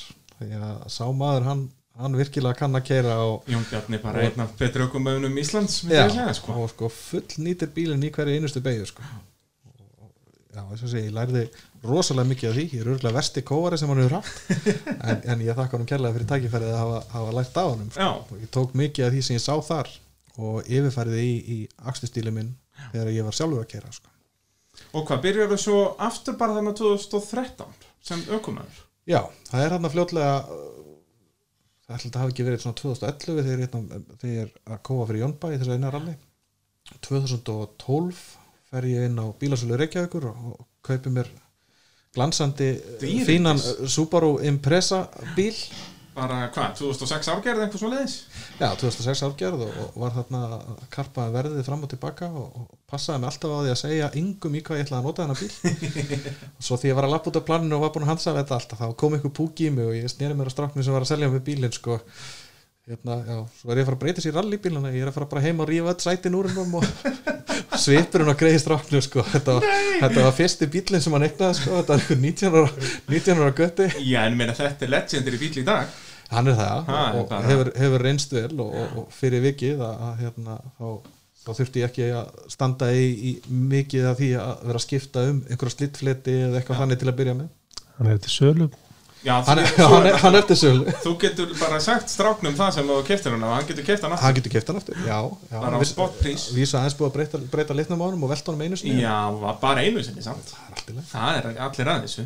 Svo 2013 tímubili, þetta er náttúrulega hlutur sem ég langar mjög mikið að tala um. Já, þarna var ég að keppa við mjög erfiðan og þekktan einstakling úr, úr íslensku ralli sko. Já, bara algjört legend. Já, það má, má segja það sko. En þetta var sem sagt geggja tímubil Þarna erum sem sagt við að berjast um titil. Algjörlega. Og þar fyrir aftan var náttúrulega Baldur Haralds og, og Baldur Hlöðvers. Já, og svo Þórður og, og fleiri og fleiri Sigur hún kefti í flestöldum þarna og, og það var alltaf 7 til 10 bílar í öllum keppnum Já, við tveir vorum kannski svona við vorum svona kannski yfirleitt hraðastir en Já. það var ekki langt í strákana fyrir aftan okkur sko. það mátti alls ekki það mátti alls ekkert koma upp á og þá voru þeir komnir alveg alveg í okkur sko. Já, en ég meina það er nú, var það ekki Guðmundur Höskuldsson sem vann flestar keppnir í þessum flokk þetta ár? Jú, heyrðu, Ég held það. alveg Það rétt, er Gummi, hann Gummi mætti tvær keppnir og vann þar báðar. alveg rétt og hann var liðstjóri minn á sama tíma sko. Já, hann var nákvæmlega. liðstjóri minn 2013 Og síðan kjóman heyrði, ég þarf að skjótast, ég þarf að fara að keira. Þú standið alveg rétt, ég hef búin að, ég hef búin að gleyma þessu þú mættir í fyrstu kettinu, þú mættir líka í síðustu já, ég tók pappa með mér í fyrstu kefni Já. og hérna hann var ekkert á því að vilja lesa neitt þannig að við ákvæmum bara að sleppa því strax í byrjun og slepptum held ég leiðaskoðun og allt líka og við hérna svo fannst, settum við svona innkarvídeó á netið eftir hérna fyrsta dag og, mennum fannst búið að fyndið þegar ég var að geira og var að lesa beigurnar í hann til þess að hann vissi hvað að vera framöndan Já. Og, en þá hvað, eftir hennar fyrsta dag í fyrstu keppni, þá ert þú að vinna haldúrið það ekki? Jú, við erum öðrum mætum þarna með, með bílinn nýsmíðan og, og, og e, mjög lítið búin að testa hann á, eftir, að, eftir að honum var breytt og mætum bara með því höfri við ætlum bara að vera með og, ætlum bara svona að trilla, trilla með en, en þarna eftir fyrstu þrjá leðarnar þá erum við bara með nokkuð öruga fórustu í, í okkar flokk og held ég þriðju í, í, í rallinu overall. Þannig að það var svolítið pressað þegar við mættum morgunin eftir inn á mína leið, djúpavatni sem ég þekki gífulega vel og ég var alveg tilbúin til þess að gefa allt í botn og, og tókum helviti fínan tíma þar yfir en tókum líka svolítið vatn inn á loftsíðuna Já. og það var svona eitt af þessum atriði sem var kannski ekki búið að spá nógu vel í þegar, þegar bílinn var smíðaður og við f- tó, já, þessu tókum nú fína tíma þarna yfir en á leiðinu tilbaka þá, þá hætti bílinn að velja að keira það var það ekki fyrstu verð sem að Nei, það var farin, farin tilbaka sem að við stoppuðum sko. Já, við tókum held ég besta tíman yfir heldina yfir fyrstu Já. verð. Já, já, Ég já, það. getur verið sko. Þá var ég tókum- að ég mitt að keira eins og sneldu ekki að ég tapaði ábygglega, ég var ábygglega 40 sekundum eftir þér haldur eftir fyrsta dag sko. já, bara var í ruggluna þarna fyrsta daginn. Uh, svo sérst fer ég út af á fyrstu leiðinu bara eiginlega alveg við endamerki bara rétt fyrir kröppu vinstri beiguna og svo í gegnum hraunið og endan þar fer ég út af og beigi spinnu og eitthvað og þess vegna tapaði ég heldur 30 sekundum á þig eða eitthvað. Og svo á ferðinni tilbaka og þá pleitir þú bílinn og ég lenda á eftir og verð sneldugjæðu hvor að beigja þá aftur spinnu já, og það, að þá sem sagt út að við erum að keira jafn pratt skiluru Já, já. og þá bara, ég gæti ekki tekið fram úr þér og þú gæti ekki hægt á til að hleypa mér fram úr út að þá hefði ég, þú bara verið fastur fyrir aftan mig þetta, skiluru þetta var svona eitt af þessum, eitt af þessum momentum sem, að, sem að, hérna, maður spáði mikið í. Og, og, hérna, Er- erfitt, að, erfitt að segja hver rétt ákvörðun var. Ég, ég held Ég að he- held að ég, ég hef unni flokkin með einni sekundu á við Baldur Haralds Já. eins og oft áður. eins og já, Baldur Haraldsson mjög segur í því að tapa með einnig Já, segur hann er mjög góður í því. mjög góður í því. Og, og, Já, það gerðist þarna nokkra keppnir í röð held ég. Já, og síðan gerist það Oftast á aftur. móti mér held ég. Já, já, og svo gerist það aftur á króknum með það ekki mátti Jómba þegar voru að keppa um fyrsta sæti overall Já, þannig að hann, þetta er, hann er óhafn eftir maður í Íslandu Hann- mótorsporti, það er bara svo leiðis já. hann þekkir þetta. En þarna sérst eftir fyrstu keppnin erum við Haldur báður búin að kveldskita á okkur enduðum bara í fjórða og fymta eða eitthvað svo leiðis Já, en, en vissum það aftur á móti að, að sko, keppnistíma byrja að lása svolítið fyrir þarna. Já, Við við, sáum- vorum að sjá að við vorum sko- hraðastir Já, þegar allt var í lægi þá, þá vorum við hraðastir. Og þetta er alltaf þetta stóra ef í rallinu sko. Já, ef, að- ef að þetta hefði ekki komið fyrir sko, þá er alltaf þetta að segja það sko. en það var alveg ljóst að, að ef við ætluðum að, að standa okkur þetta keppnistímabíl þá þurftum við að standa upp í hárunu á, á þér og, og, og guðuna og við mætum í næstu keppni mjög vel undirbúnir en alveg gjörsanlega klúðrum fyrsta degi já, hvað gerðist þar? já, reyðið upp fyrir Þetta- þetta Hvað, er Krókurinn. krókurinn. krókurinn og það er sérst um kvöldið þarna festavaskvöld er keirt þverjafjallið og, og Laxárdal og þetta dót þarna Já. og innan bæðarliðin sko, aðal fókusun okkur í þessu rally var búin að vera Mælifellsdalur einmitt. Við vorum búin að skoða hann rosalega vel á vídjói við reyndar fórum hann bara þrísvari eða eitthvað á, á, hérna, á þessum dögum sem við máttum leiða sko.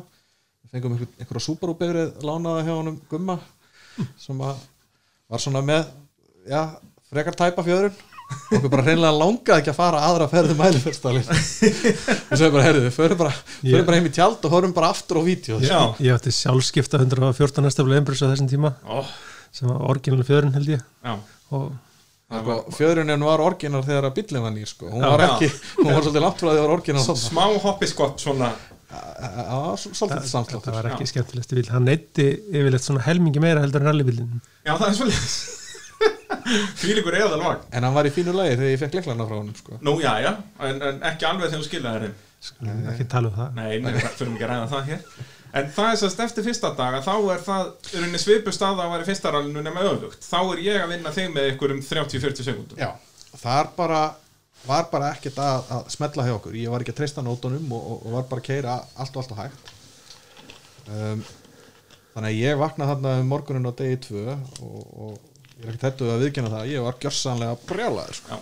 Það er bara þannig Já, bara eins og við guðinni vorum uh, á degi tvö í, rallinu á undan sko. á undan sko. En það endaði með að við krossum Já, það hefði nú hæglega geta gæst í þessum ekstri þarna á Mælifellsdalum Já, það alveg gerðist svona alveg bara, það voru engar afleð, afleðingar nokkru sinnum sko. Já Það, það Ég- vantaði ég sá einn kreð sko. Já, Já, ég held að ég hef séð þetta engar líka Ég Já, skil já. ekki hvernig þú tókst ekki að velta bílum svona fjóru sinnum En þetta innkar er enn á, enn á hérna, Facebook síðan okkar á Galsa þannig að þið geti, þið geti kíkt á það að skoða en, en hérna, þetta er svona já, Colin McRae stíl Jú. control without no control sko og einhvern veginn lukkaðist þetta þrátt fyrir eina lautarferð þannig inn á milli sem við reyndar töpuðum fáránlega litlum tíma á. Já, og ég veist að rauninni- maður hafi tapað tíma á því. Já, ég segi það, þannig að þetta er Þið hefðu getað tapað um það bil einu ralli á þessu en, en þetta slapp skemmtilega vel. Góð hliðabanna þetta sla, slapp til já, hliðabanna var góð. Já, og, og hún rúmlega var, það. hún var talsveit betri heldur en, heldur en hérna, leiðaskoðunarbílinn sem ég fekk frá hann gumma. Já. En, sem betur fyrr og þarna sérst upp mælfélstalinn tekur þú af mér ábyggilega svona 30 sekundur eða meira, 40 já, eitthvað svo leiðis þá sem sagt, ég er náttúrulega verið að koma með mínir aðsakanir sko, ég tapaði 20 sekundum við að stoppa Já. en þú tekur af mér í, í rauntíma ábygglega svona 20 sekundur, skilur og ég var ekki að kera hægt. Þetta var rosalega, rosalega skemmtileg og, og mæliferðstælurinn kannski svona fyrir utan djúpavaðsleið svona svo leið sem ég hef oftast kyrt í ralli. Já, mælfélstalinn er náttúrulega bara geggjaður rallivegur sko. Já, hún er bara, það er bara svo bara á heimsklassa sko. og, og síðan heldur áfram ég tek eitthvað aðeins að þurra mælifestalnum niður Já. og, en svo heldur áfram að sexa mér og fyrir síðustu, eða fyrir innanbæðilegina hátna nikkelið að þá ertu einhver um 5 sekundum eftir mér eða eitthvað þegar tvær ferður um nikkelið er eftir Já, já, það passar. og þú tekur þær 5 sekundur á mér rúmlega það er það ekki en það er Já, ekki að vinna með þreymur hann er svolítið góð saga sko.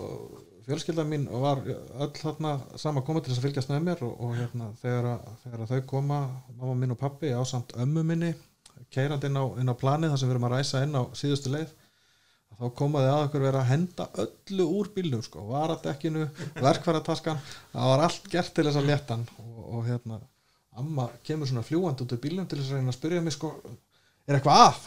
Ég í svo miklum ham sko að ég alveg bara sko legguði smell á hana sko þannig að hún hröklast í burtu. En við förum hann inn á þessa leið mjög ákveðnir og, og hérna þessi leið var kert tvisvar eða ekki? Jú, ég held að, ég held að við náð 5 sekundum mamma bara strax á fyrstu leiðinni Já, sko. en, og svo öðrum en tveimur hana sko, ég hef myndið svolítið gaman að því að fylgjast með innkarunni frá þessum leiðin sko, ég keirðum hana nákvæmlega eins í bæði skiptin sko, Já, alveg bara ég man, ég bombaði á einhverja kerru þarna og eitthvað, rústaði afturbrettin á viljum hérna er það Vestudalur? Nei, Nei, það voru Nikkelið. Nei, Nafið. segja, ekki nikkel. Nikkel er á, á suðunessum það er á, er hinum endanum. Það er á hinum endanum, þetta fyrir allt í eitt grönt já, já, er bara- en, en þú endar þá að vinna þarna krókin og ég er í öðru seti Já. og þá ert þú að leiða Íslandsmótið í flokknum er það ekki? En þá er þetta í raun allt mjög jæmt þú var ekki Baldur Haralds Nei, hann lendi í einhverju vesen á króknum er það ekki? Sprengd hann ekki og eitthvað? Bara- Baldur hlöðvers keirur út á að tapa tíma og ert þú að vinna Íslandsmótið fyrir það- ekki? ég minnir að við höfum verið að leiða Íslandsmóti en munurinn var ekki mikill Nei, það er náttúrulega mjög, þetta var mjög mjótt og það var sennilega breytt stig ekki, var þarna ekki Já. stigagjöfun 10-8-6 Jú. þannig að þá er þú með þarna þú reynir tapar einu stíi á mig í fyrstu keppninu en græður svo tvö í annari þannig að það hlýtur að hafa reynt stíð á mill Já. það var allavega þannig að, að það þýtti ekki að vera eitthvað að dóla í, í rally Reykjavík Nei, það er eh, ég held að faður minn hafa orðað þetta best þarna voru tvær tímandi tíma, tímasprengjur að kera Já, alveg rétt, þetta er bara spurning hver veltur fyrst. Alveg rétt. Hann, hann, sá, hann sá það strax eftir fyrsta dag. Já, og maður er náttúrulega búin að fylgjast með rally í, í gífurlega langan tíma. Maður veit það alveg að rétta leiðin til þess að fara gegnum alþjóðaralli er ekki að keira full force á hverju einstu leið. En ég vissi það líka að það var algjör klikkaðs í bílum á, bílum á eftir mér sem, sem að myndi heldur ekkert gefa eftir. Þannig að það var ekkert annað í bóði heldur en að, heldur en að keira algjörlega fulla ferð. Og rally byrjar þarna á, á djúpa vatni og, og kvalira vatni í, í rjóma blíðu eins og var ég allt þetta sumar þannig þetta var bara rigning og viðbjóður. Í, hérna, í mjög skemmtilegri færð og ég byrja á því þarna á, á kvalera vatninu að slengja bílnum utan í tré ég held að það hefði treðan Siggabraga Já, þetta eina sanna. eina treð sem að ég hef séð á íslenskri sérlega það er ekki margi sem geta sagt þetta í íslensku ralli að ég kerði á tré nei, það er Ah, ég slengi þarna vinstra afturbrettinu utan í og sem, svo, svo sem gerði ekkert annað en að gera brettið mjög ljótt og skilja eftir afturljósið Þú nú eftir að skemma það bretti miklu meira síðan Já En ég tók að mjög nærum mér Ég- ég var í Á- á- service á, þér á, þarna, á, sko. þessum, á þessum tímapunkti tók ég það mjög nærum mér að hafa skemmt þetta afturbreytt Já. sko. En fór svo inn á djúpa vatnið og, og hérna, tók góðan tíma þar og, og endaði fyrsta dag held ég í rástöðu nummer tvö á eftir honum var Danna. ekki Siggi bara á millokkar eða, eða sem sagt, ég held það að Siggi hafi Að ég hafi verið... ræstur fjórði á dag tvö Já, ég ræsa eftir, eftir Danna sem var þá á Ívo vantalega ekki? getur verið og þarna var uh, fylgir ekki keppnistjóri þannig að ég, hann setti Sigga bara ekki fyrir fram að þig eins og hafði gæst fyrir mig á króknum.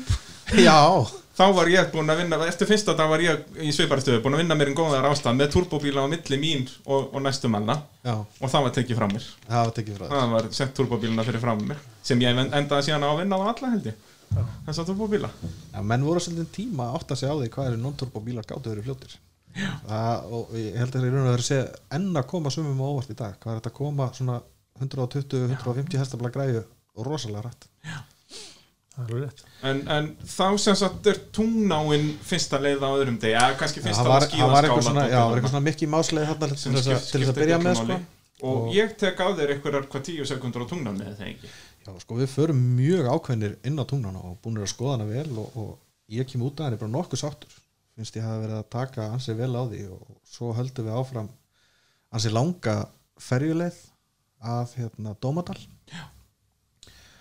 og einhver tímar á leiðinni þá, þá kemur þú keiri ég annarkvært fram á þig eða, eða þú, þú blikkar, Já, blikkar mig og ég skrúa niður úðuna og við byrjum að spjalla og ég spyrja á hvaða tíma fóruð þið? Þið segið mér tíman og ég bara bilaðist hvernig getur það verið að hann hafi verið að taka af mér þarna? Hann hefur bara sleppt einhverju beigju helvíti sko. Og svo hafði ég allan tíman sko að þetta var, ferjulegin var sennilega hálnuð þegar við spjöllum hann Já, eitthvað svo leiðis, já, það var ekki strax eftir liðina Nei, og ég hef allan, alla restina af þessari ferjuleið til þess að- að að klára söðuna sko. Og er alveg, alveg búin að sjóða mér heilan þegar ég kem inn á rásmarkið inn á, á ráspóla á, á, á Dómadalnum. Já. Og tek hann svona já svona nokkuð þétt. Allavega næ einhverju einhverju af þeir sko ég man Já, ekki hvað það var mikið. þarna sprakk tímasprengjan í rauninni. Þarna ger ég mistök eða, við, við já, að við kerum út á þurfum að bakka og, og við sem þú veist töpum ykkur um 20 sekundum á því eða eitthvað. Og, og þú endar á að taka með þú veist í akstust tíma hefði ég sennilega tekið aftur að þær 10 sekundur Já. út af vandamál hjá mér sko að þegar ég og Guðin erum að skoða fyrir þetta all að þá skoðum við tungna á Dómadal mjög vel og svo bara þegar við ætlum að við höfum lent í ykkur vesenildi hvort við sprengdum með eitthvað ykkur, við töðumst eitthvað. Í leðaskoðuninni þannig að þegar það kemur að heklunni að þá var eiginlega bara orðið dimmt. Þannig að við gátum ekkert skoða hekluna og ég vissi þú veist að það myndi aldrei ganga. Hekla er eins og þú þarft að stúdera mjög mikið. Já.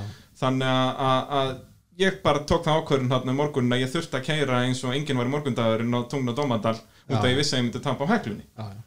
Þarna kemur inn þessi, þessi sko æðislegi parturinn við all sem er þessi taktík, þetta er Já. ekki bara að vera alltaf á fullu, þetta er líka svolítið taktík og maður þarf svolítið að þekkja mótarhjásinn og eins og til dæmis bara ef ég hefði vitað þetta Já, á þeim tíma að mitt plan var akkurat öfugt sko. Já, Já sem og það plan meikar meiri sens svona fyrir þá sem það þekkja rally út að hekla er hvað, þetta voru 30 kilometrar já, að, og mjög teknísk leið að þá er fínt að gefa mótorunum smá heyrðu, hérna leiðum honum að taka 10 og 10 og ég tek svo 30 á heklum já, en sko egoð var búið að taka fyrir allar svona hugsanir á keppnisdag sko. planið mitt hefði mögulega gert ráð fyrir þessu en þarna þennan keppnisdag að þá bara, bara er ég bara alveg tilvíð að viðkjanna það að egoð bara yfirtókn og, og það var að keira bílinn en ekki ég. Og ef maður hefði aðeins hugsað þetta að það var náttúrulega það mikið eftir af rallinu að það var nógur tími til þess að gera árás á móti Já, ég meina bara síðast þetta dagurinn var yfir 100 km já þú veist þetta hafði ekki allt þurft að geðast á einni leið En við allan að ræsum þarna inn á hekluna og, og keirum hann svona svipað og við tókum Mælefellsdalinn á sínum tíma nema bara í þetta skiptið og gekk það ekki alveg upp. Það var ein- einum stein og mikið í einum kantinu Það var svolítið þannig. Ég reyndar kom, kem á hratt inn í þessa beigju og, og, og það er hægt að skoða þetta innkar líka á síðunni hjá okkur. Galsi motorsport Kem, sem sagt, kem á hratt inn í þessa beigju, átta mig alveg á því og til þess að bjarga því að þá bara læsi ég hjólunum og ætla að setja hann svona upp í slæt og renna honum með frá kantinum og vera svo tilbúin að keira mig út í beigjunni. Það var, var bara sandurinn í kantinum. Steinin held ég að hafa ekki sést. Nei, Já, ein- það er engir kantar þarna þannig séð. Þú veist, maður myndi ekki sko. halda Jú, ég get nú hlýta að geta skorið þetta smá Þú veist, það er rauninni bara gras þarna. Já, þetta er svona smá bara bara, sandkanta svona- þetta er sko. bara svona sandbingur. Já, og í raun og veru sko, plássið sko sagt, fyrir neðan framstöðura er alveg bara sko tvöfalt, tvöfalt nóg til þess, að, dekka þetta sko. En þá kroppar hægra framhjólið stein upp úr, upp úr jörðinni sem hefur staðið eitthvað eitthvað örlítið upp úr og fleir okkur. Ég held að hefur farið eitthvað allavega tvær veldur og endum á, endum á þakkinu, eina hálfa veldu og það var, ég man alltaf eftir panikinu sko, þetta er náttúrulega fyrsta veltan mín í, í keppni sko, og paniki var bara nummer 1, 2 og 3 að ná sko, ná binna góaranum mínum út áður en að næsti bíl kæmi. Að þegar ég var alveg sannfæður um það að næsti bíl myndi gera nákvæmlega sömu mistök sko. búin að steinglema því að ég vissi það sjálfur ég kom alltaf hatt inn í þessari beig og ég var alveg að klúra því sko. en, en heilin er ekki stiltur þannig á þessum tímabúndi ekki á þessum tímapunkti og, En það var í, í góðu lagi með ykkur báða og, og, og allt í toppmálum. Og svo náttúrulega sko það ljótasta fyrir ykkur var að bara, sko, eftir þessa leið hefðu þið verið með svona tveggja mínútna fórskot á mjög okkur ef við hefðum bara farið bara rólega í gegnum hana. Já, út af því að þarna sérst bæði erum að keira mjög hægt í og guðni út af við erum ekki með góða nótur og skoðum með dýla Mhm. og það brotnaði hjá okkur dempari eða eitthvað, þú veist ég manna að Baldur Haralds tók á okkur mínútu eða eitthvað svo leið þannig ef að þið hefðu verið í þessum geðsjúka ekstri ykkar og klára leiðin að þá hefði potið tekið, þú veist, einu og hálfa, tvær. Algjörlega. Og þá hefði allir basically verið búið þá hefði allavega ég verið maðurinn sem hefði þurft að sækja sko, já, sem hefði ekki verið mjög skemmtilegt. Nei, ekki með, ekki með hérna, bilaða fjörun.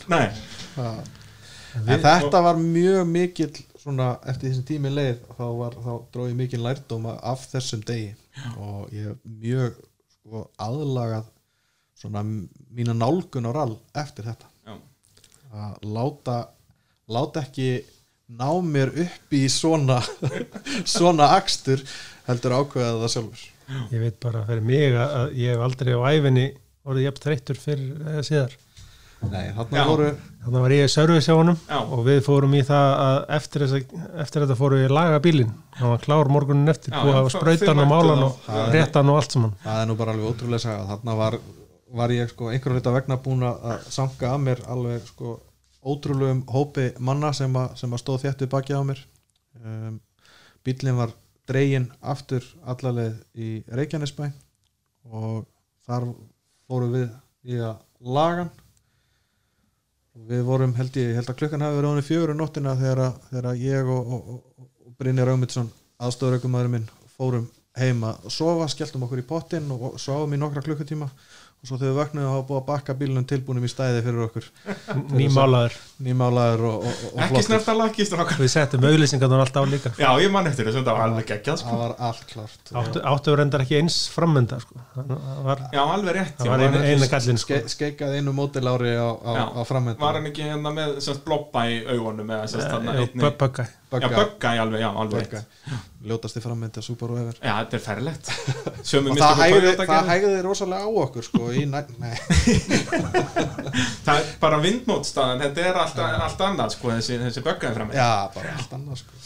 en svo við, við fórum þarna uh, ókum ragleiðis í parkvarmi og vorum, vorum búin að fá leiði frá keppnistjórn daginn áður, hafa búið að skoða búrið og hafa búið að gera allt og, við áttum bara að fá að mæta aftur. Og við mættum á háréttum tíma og, og hérna en þá kemur keppnistjóri og, og bankar á, á rúðuna í bíli hjá mér og tilkynni með það að við keirum stegalausir það sem að eftir er keppni.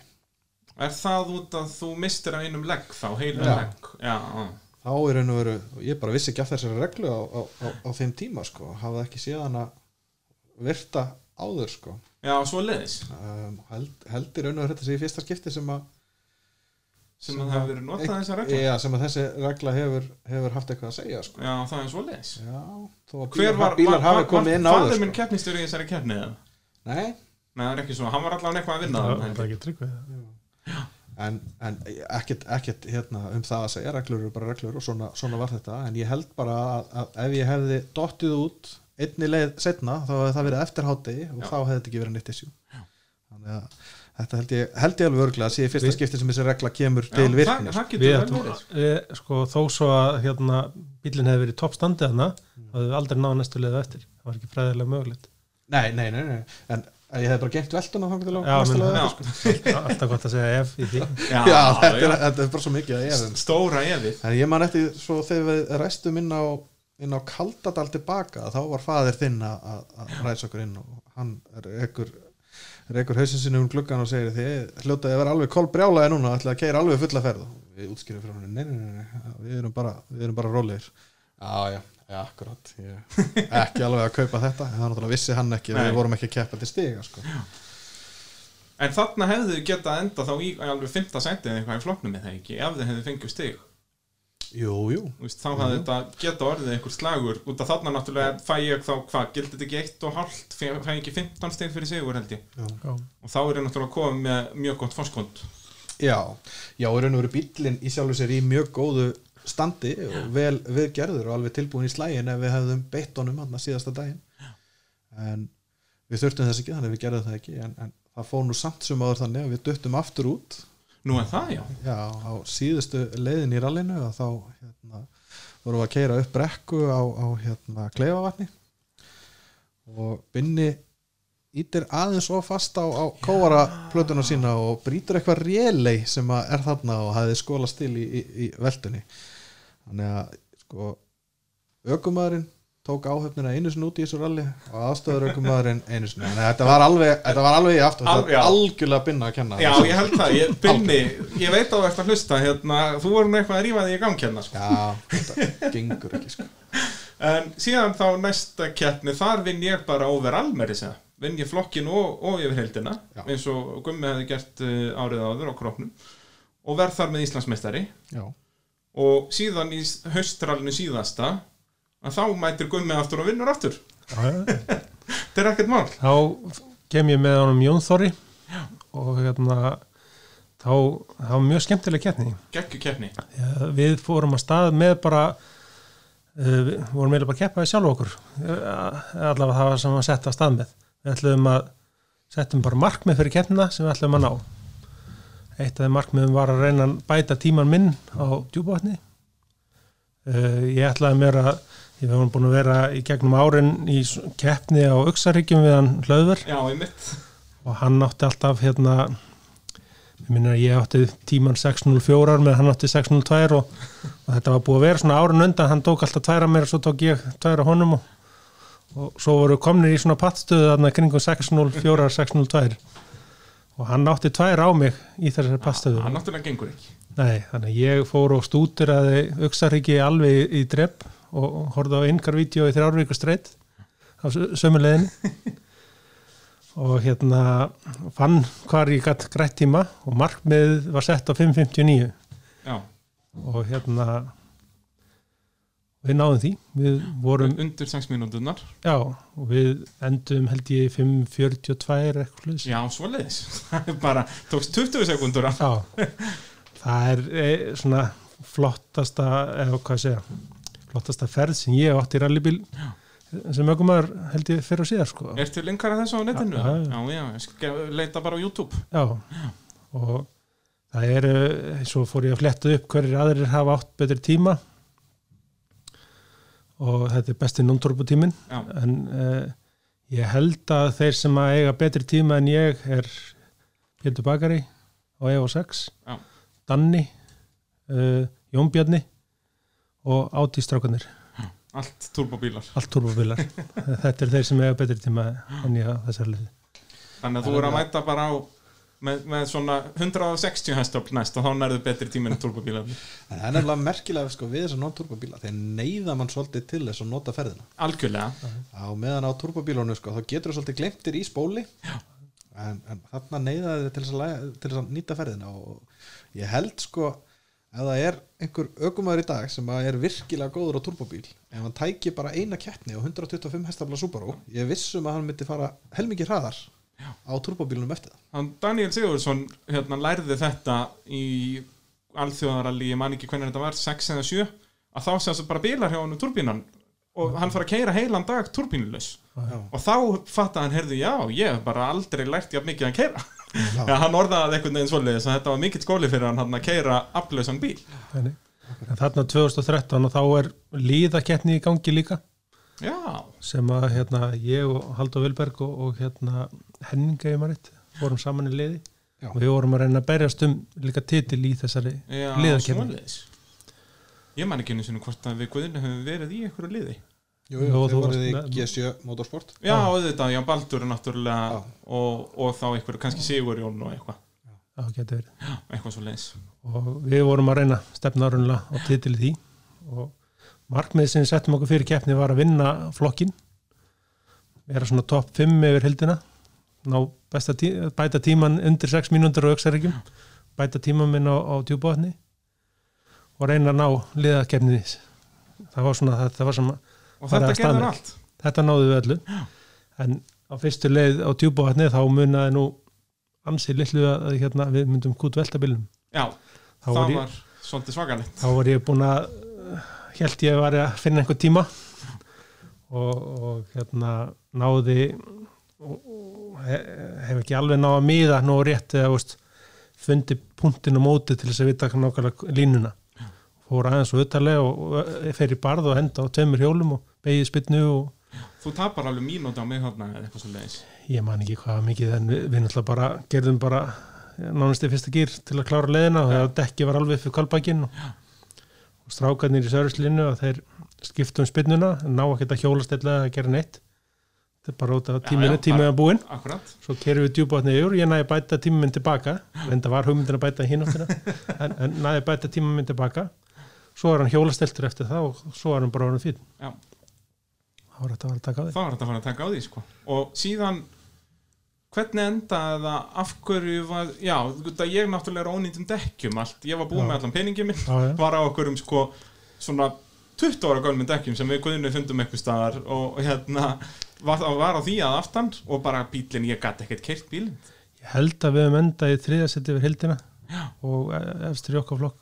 Já, ég er þá bygglega fjórðið þarna út að þetta endaði bara í einhverjum ég var bara einhverjum tíu sekundum eftir við guðinu Já, það var sko, þetta var rosa barátt að, ég minnur að vera, var ekki sérst eftir auksaríkina þá Já. varst þú búin að ná svo svakalugum tímum þar. Já, já, a- a- og á Kaldadala þá loksin settum við guðinni almennilega afturdekkundi bílinn. Eitthvað svona sem við heldum að væri ónýtt af fullt af hérna bara eh, hérna skemmtum í já. og, en fleiðum því undir Já. og þá loksins var þetta að fara að keira bílinn en síðan sprengjum við á, á Tröllháls já. Við vorum svo sem ekkert á nýjum dekkjum heldur sko, en, Nei, nei. en þau voru samt aðeins meira, meira enn hjá þér. Já þetta er, ég held að ég hafi ekkert tíma setja eitthvað einhverjum á netið og það var ekki Ég held að mín hafi verið svona hálslitin en þín voru alveg slitin. já, nefnir bara aftur sko framdekkin voru fín. Ég var bara ónýtt um afturdekkin Já. og bara reynsla mín í rallakstri bara svo gömul að þau bara þau voru bara hörð, það, Já. það var ekki, þetta gerði ekki neitt. Og ég vissi bara ekki betur, ég held bara, já, það er bara eitthvað laust í veginum í dag, sko, þú veist, að ég bara vissi ekki betur. Reynda voru auksarreikindur rosalega lausir.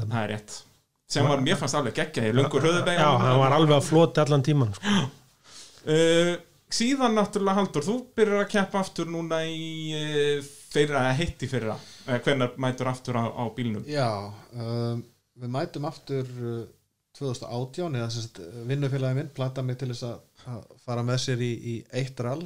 Ég man að ég var að hann alveg sérstaklega við. Hann ætti alls ekki að gera þetta því að, hann myndi enda á því að verða háður. Og ef Yep. hann ætlaði að prófa eitthvað þá mæli ég freka með heroinni já, það er ódýrar og öðvöldra að hætta. En hann let ekki segjast og við mættum hérna í, í Suðunisja rallið 2018 sem að gekk nú ekki nægilega vel og sennilega mitt versta rall á ferlinum ég enduðum í, í síðasta sæti uh, bleittum bílinn og vorum í alls konar bara alls konar, sko. já, öll smáatriðin Já, en svo mættum við aftur núna í, í fyrsta rall 2019 og, og hérna, ætluðum að taka tvö röll, enduðum að taka þrjú og það gekk bara nokkuð vel. Og við vorum í bullandi baróttu og ég held við höfum endað hvað í í hvað þriðið að fjörðasetti yfir, yfir heldina í Íslandsmótinu. Í Íslandsbúti já, og í öðru sæti í, í AB varalítaflóknum og hérna En, og við reynd, reyndum eins og við Sveppi gátum að taka það af þeim. Já, og, og þeir voru líka hérna Jósef og, og hérna Markum talaði Guðni Freyr. Já, þeir voru með einbeittan brotavili hann í síðustu kefni það er reyndar, ég, ég hérna, spjöllum nú aðeins um það eftir, eftir keppni, ég reyndar skil það ekki sko, þeir skildi ekki hafa bara gefið það eftir sko, en við náttúrulega mætum hann í fyrstu keppni og, og, hérna, og, og gengur mjög vel og, og, og svo tökum við að þeim sigurinn í, í Rally Reykjavík á, á loka sprettinum og þá náttúrulega gátum við ekkert annað gert heldur en að mæta í síðustu keppnina og, og láta á að hafa fyrir þessum, þessum titli sem þeir svo sannarlega gerðu um, en þá voru þeir raun og verið í þeirri stöðu að þeir þurftu bara ná hvað fjórðasæti í, í flokknum já, fínt að þeir bara þurftu að klára basically þeir sko. þurftu bara að klára en ég sé það bara strax að, bara á ástandinu á bílnum sko, ekki Já. á tímunum að þeir eru að, mikið að reyna sko. Já, það, ég held að það er byggt bara alla spilnum sem voru til og, og ég veit ekki hvað og hvað sko Já, þetta, þetta var alveg magna Já. ég, við fórum nú með eina, eina spilnu í þessari keppni sko. En það var líka eftir að við kerðum á grjót sem að þeir voru búin að kasta inn á veginn með þeir, þeir voru reyna að halda sínum á veginnum sko, með, með allt bóið En, en það var rosa skemmtileg keppni Já, og þú nærð þarna öðru sett í AB varalutaflokknum í Íslandsmótinu þrátt fyrir að þið eru sleftuð holmaðingurallinu eða ekki Jú. Og af hverju, var það bara alltaf planið að Já, pla, keppni? pla, planið var bara að taka Suðanisralli og ralli Reykjavík og ekkert meira sko. Já, en, en við tókum þetta haustralli líka bara út af því hvernig það spilast úr þessari stöðu sko. það er og það er líka hausturallin eru líka alltaf svona ódýr og þægileg þannig sem þetta er ekki hérna, svona bara eins og sprettinur voru í gamla dag nema náttúrulega ekki alveg Það ekki alveg vantar svona í dag rosalega að bæta við voru og höstsprettum. Já, ég er alveg samanlega þar og jafnvel að gera það þá eins og þetta var hérna 2000 og hvað, 4, 5, 6 að það gildi jafnvel sko 50% stig eða jafnvel minna bara 20% Við- eða- Já. á þeim tíma voru við að reyna að halda sko hafa smá sjó. Já, þá sett við buðum upp á pulsur og hopp og kastala og eitthvað svona. Það átti að vera svona hátíð fyrir fjölskylduna og og það var mjög horfa á einmitt. og flott, kom fullt af fólki sko. Já, þetta er hérna, hvað, 2006, 7, 8 minnum að hafa 2004. verið flottustu Já, 2004 líka, já. Byrjaði og 2004-05 5, 5 6 og, og, og þá einmitt var þetta bara sagt kannski sko 15 sérleðir en allar bara 2-3 kilometrar þarna á þessum tíma þá hérna var ég tóltið í þessu þá var það fyrst og fremst Guðunis og Geithols og svo, og svo svona fyrir að bætast inn í þetta, það var kert hann í kringum orku já, það, það var árið eftir held ég. Og hérna, þetta voru bara svona Akkurat, sem var verið að kera en þá er mitt servisparki mjög flott og, og einmitt það hérna, það Það er hjá svo- landsneti hérna, á, á hérna kiloflutinni já, einmitt. Já, og annars staðar síðan Og var það í líka á- orkuveitunni og líka Já, í Já. og bara, já, já Þetta er svona eins og er í, í hérna, Lettlandi að þar keira þeir eh, bara aðra mótaröð meðfram henni sem heitir bara minirally Já, og þar er í raun og veru gerðar svona minni kröfur á bílana almennt og ekkert allir bílar sem að fá að taka þátt í því. Um, og alla leiðirnar eru held ég, ég held að maxið sé 4,8 km já, svoleiðis. Á Þannig að þetta eru kannski sömu sérleðir en það er bara flaggað út fyrir eða sem sagt? Já, og í raun og veru leiðaskoðan er bönnuð það er bara, það eru bara gefnar nótur og þetta er svona Já. ágætis fyrsta skref fyrir byrjandur til þess að, Algjörlega. til þess að koma. Þetta er alveg hugmynd. Það er líka hann að í þessum sprettum er að þetta er oft óð, miklu ódreirari keppnir fyrir bæði keppindur og keppninsaldar og annað. Já, og líka sko Og- umstangið held ég að sé aðalmáli það það er miklu minna, miklu öðuldar að halda svona keppnir Já, og líka eins og bara eh, Haldur, þú varst að tala um það hérna þegar þú mættir á Volvo-unum, skilur þá bara mættir, það var eitt stóll í bílunum þú varst ekki með servis og ekki neitt, þú bara mættir. Bara mætti. Þetta vantar doldið í dag því að þetta, menn, fyrir sísoni þá eru menn ofta að testa bílana og annað. Mhm. og eftir sísoni þá er oft menn sem ætla sér að keppa næsta ári kannski. Mhm. og það er hérna kaupa bíl oft eftir sísonið en fyrir sprett. Fara á testa og svo er bílinn tekin í gegnum veturinn og, og svo framvegis. Þetta finnst mér vanta mikið. Já, Það er segja sko, haustspretturinn fyrir þá sem eru búin að kaupa bíl og að prófa hann, en, en vorsprettur fyrir þá sem eru að fara í full season Já. og vilja geta prófa bílinn það er náttúrulega mjög einstakt við rallið með að við aðrar íþróttir hérna á, á þessu blessaða skeri að við, við getum hvergi æft okkur Já, já, og ef við gerum það þá erum við strangt til tekið að brjóta reglur sko. já bara, bara lögbrettur, já, það Já. er ekki það er bannað Þess vegna erum við búin að setja tölvurarlega stað til þess að Nákvæmlega, það, sko. það, það kemur aðeins inn í og hjálpar þar en það hjálpar ekki til sko, þegar að þú ert að hugsa um uppsetningun á bílnum. Og viltu, viltu nota A eða B stillingu?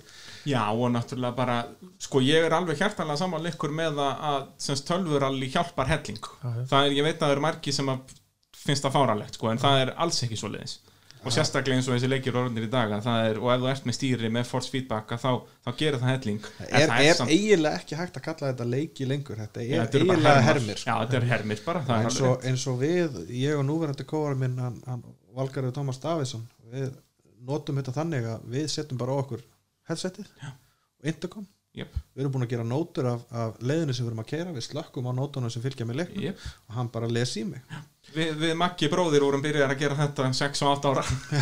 Nema þá kunnum við ekki ennsku sko, þannig að við gátum aldrei slögt á, á veist, örvunum og kóvaranum og öllu því. Þannig að við bara lækkuðum í sjónvarpinu þannig að Já. heyrðist bara ekki neitt. Akkurat. og settum teppi efst yfir sjónvarpið svo að örvarnar sæðist ekki en þetta svinn virkar og þetta náttúrulega hjálpar líka helling við nótu gerð Já. og Já. náttúrulega bara samstilla ökumann og ástæðurökumann Það er eitt sem ég langar að kasta í loftið og haldur rættum um daginn en það að hérna í þessum leika það var alltaf að koma viðbætur mm og hérna núna síðast kom Skotlandin Já. og það væri rosa gaman ef að, væri hægt að hérna, sjá hvort að þeir væri til í að taka Ísland það er bara spurning sko hvað þarf það til þess að þeir komi hérna og mæli upp djúpavatn og mælifærstal vantalega þarf einhvern penning Já. og Þetta þetta, þetta gæti verið flott æfingar system Já, fyrir bara geggja og náttúrulega bara geggja landskynning. Já, geggjur landskynning og, og sérstaklega að því leiti það er alltaf búið að vera að reyna að vinna í því að kynna Ísland sem rallyland. Jep, og, og það hefur svona áður þó það sé kannski komið svolítið síðan þá, þá hafa verið lagðir miklu peningar og mikið effort í það að fá hérna erlenda keppendur. Mhm, og þetta held ég að gæti, gæti hjálpa til sko. algjörlega.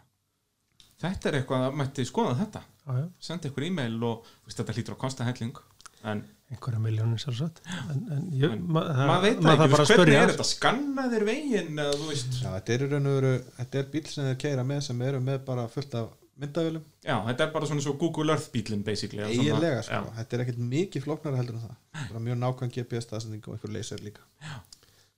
Ég get að þurfa að kosta eitthvað rosalega mikið sko. Nei, menna, var ekki já.is var með svona bíl eða ekki, var ekki hægt að fá hann í láni já, og svo þarf að koma sér náttúrulega inn í leikin Já, já, já, já, allt, allt það sko. Kótun inn í það. Spurning hvort að við getum reddað sko öllu hráefninu og síðan getum þeir forrita það. Já. Þetta er, þetta er svona ég, pælingin. ég bara hér með segi ykkur að fara að redda þessu.